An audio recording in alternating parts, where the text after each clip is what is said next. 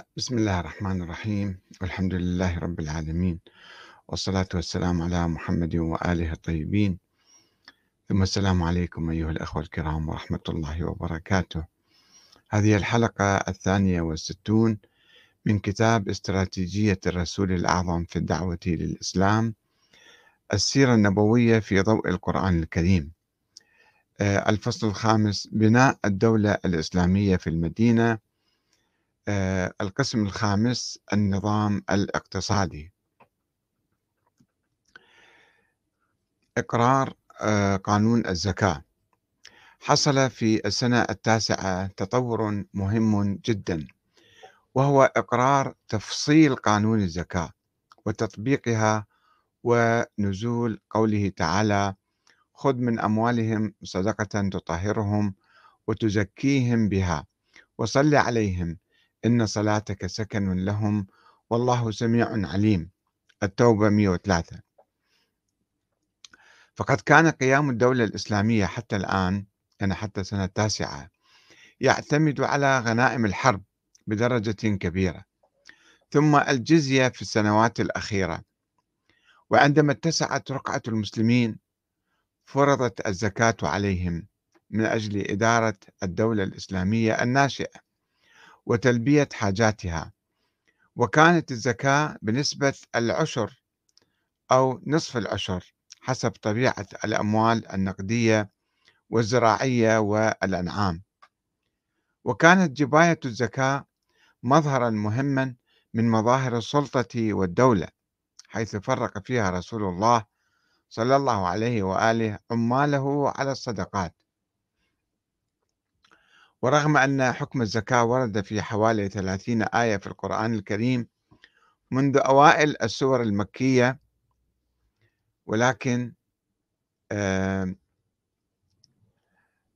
نعم إلا أن الزكاة جاءت مطلقة أو مقرونة بالصلاة ومن دون تفاصيل في مظان الزكاة أو تسليمها إلى أحد. ما عدا ما عدا النبي في آية خذ من أموالهم صدقة. وهو ما يفتح الباب أمام إمكانية إخراج الزكاة. أه، نتحدث عن هذا بعد قليل. خلينا نشوف الآيات القرآنية التي تحدثت عن الزكاة. ورد ذكر الزكاة في سورة المزمل وهي ثاني أو ثالث سورة تنزل على النبي محمد صلى الله عليه وآله وسلم. وأقيموا الصلاة وآتوا الزكاة آية 20 كما ورد في سورة لقمان الذين يقيمون الصلاة ويؤتون الزكاة وهم بالآخرة هم يوقنون. وكذلك في سورة البينة وما أمروا إلا ليعبدوا الله مخلصين له الدين حنفاء ويقيموا الصلاة ويؤتوا الزكاة وذلك دين القيمة والمجادلة فأقيموا الصلاة وآتوا الزكاة. آية 20 آه وفصلت الذين لا يؤتون الزكاة وهم بالآخرة هم كافرون. والنمل والذين يقيمون الصلاة ويؤتون الزكاة وهم بالآخرة هم يوقنون.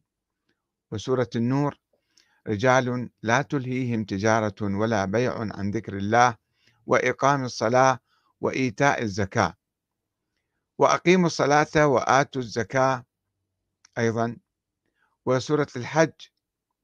الذين إن مكناهم في الأرض أقاموا الصلاة وآتوا الزكاة.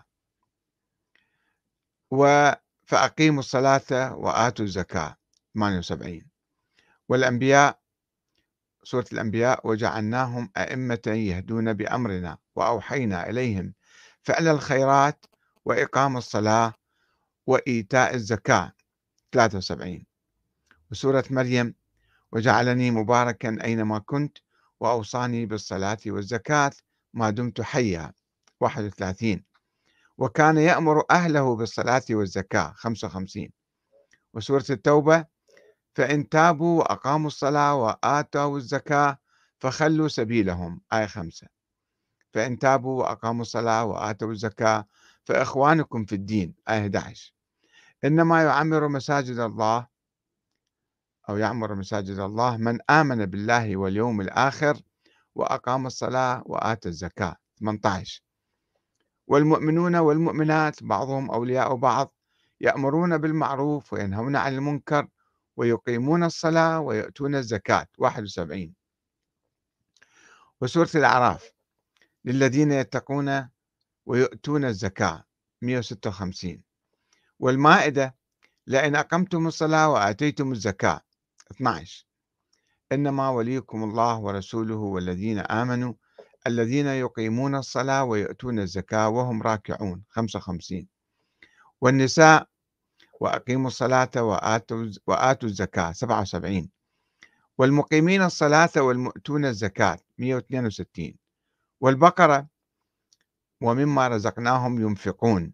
آية 3 وأقيموا الصلاة وآتوا الزكاة. آية 43 وأقيموا الصلاة وآتوا الزكاة آية 83 وأقيموا الصلاة وآتوا الزكاة 110 وأقام الصلاة وآتى الزكاة 177 إن الذين آمنوا وعملوا الصالحات وأقاموا الصلاة وآتوا الزكاة 277 فشوفوا هذه كلها عامة ما مخصصة كانت.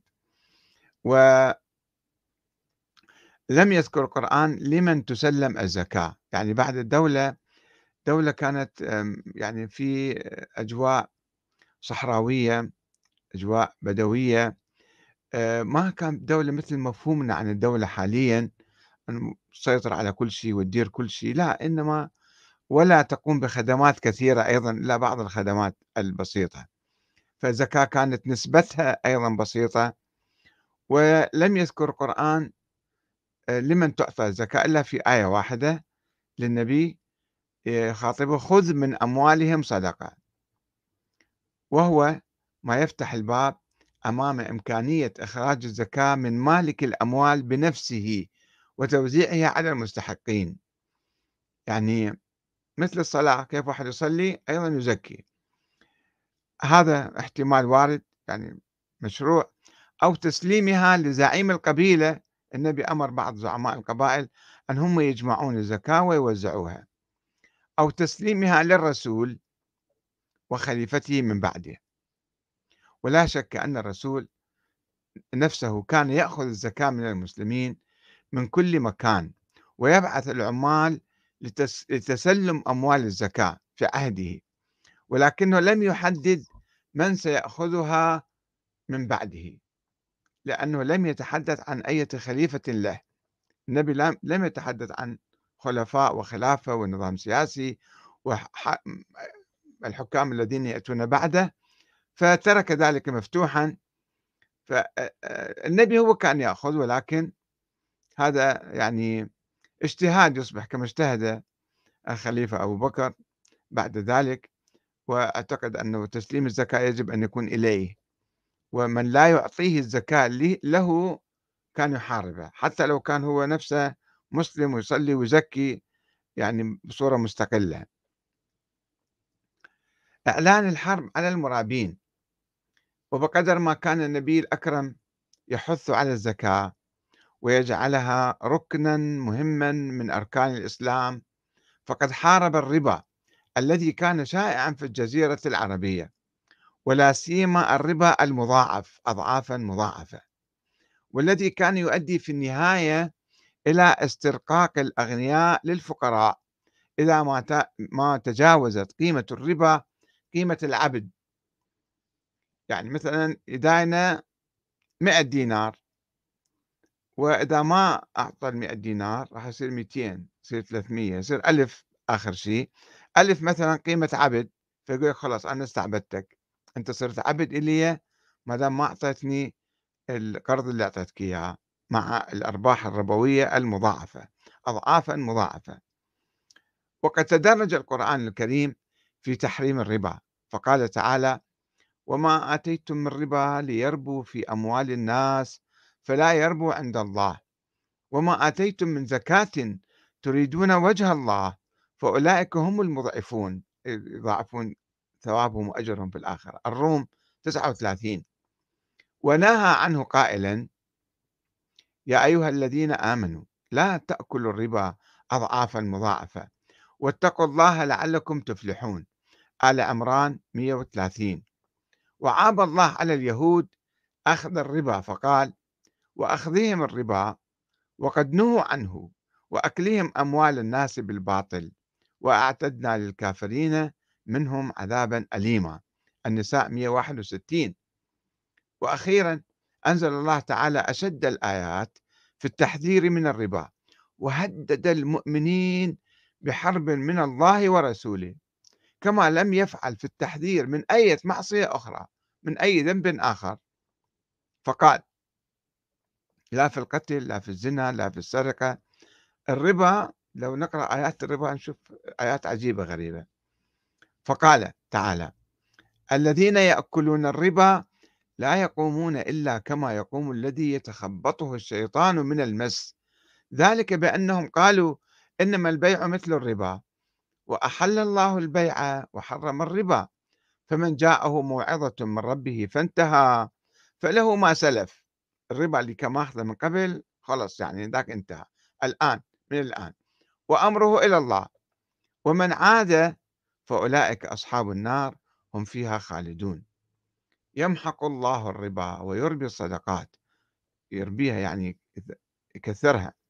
والله لا يحب كل كفار أثيم. اعتبر اللي ياخذ ربا مثل الكافر مثل الكفار. إن الذين آمنوا وعملوا الصالحات وأقاموا الصلاة وآتوا الزكاة لهم أجرهم عند ربهم ولا خوف عليهم ولا هم يحزنون. يا أيها الذين آمنوا اتقوا الله وذروا ما بقي من الربا إن كنتم مؤمنين. فإن لم تفعلوا فأذنوا بحرب من الله ورسوله. وإن تبتم فلكم رؤوس أموالكم. لا تظلمون ولا تظلمون. وإن كان ذو عسرة المقترض فنظرة إلى ميسرة. وأن تصدقوا خير لكم إن كنتم تعلمون. إذا أنت غني وواحد فقير مقترض من عندك وما قادر يعطيك الأموال يرجع لك إياها تصدق عليه. إما تنتظره فنظرة إلى ميسرة حتى يستطيع بعدين يعطيك أو تصدق عليه خليه يروح. البقرة 275 إلى 285 هذا إلى جانب الأحاديث النبوية التي أصرت على مكافحة الربا بشدة كجزء من رسالة الإسلام الأخلاقية. وهدف اقتلاع الروح الأنانية من الإنسان. وكان آخر الأحاديث ما ورد في خطبة النبي في حجة الوداع. خروج الأمراء والعمال على الصدقات. واستكمالا لبناء دولة النبوة قام رسول الله صلى الله عليه وآله بتعيين العمال في جميع البلاد التي دخلها الإسلام لجمع الصدقات وأخذ الجزية من اليهود والنصارى والمجوس كإقرار منهم بسيطرة الإسلام والخضوع للدولة الإسلامية الوليدة. فبعث المهاجر بن أبي أمية ابن المغيرة إلى صنعاء وبعث زياد بن لبيد الأنصاري إلى حضرموت على صدقتها وبعث عدي بن حاتم على الصدقة صدقة طيء وأسد. وبعث مالك بن نويرة على صدقات بني حنظلة وفرق صدقة بني سعد على رجلين منهم وبعث العلاء بن الحضرمي على البحرين وبعث علي بن أبي طالب إلى نجران ليجمع صدقتهم ويقدم عليهم بجزيتهم. آه إلى هنا نكتفي بهذا القدر وسوف نختم إن شاء الله آه، هذا الكتاب بالحلقة القادمة وهي آه، بناء الدولة الإسلامية آه، القسم السادس هل أقام النبي نظاما سياسيا؟ هل كان ملكا أم نبيا؟ والسلام عليكم ورحمة الله وبركاته.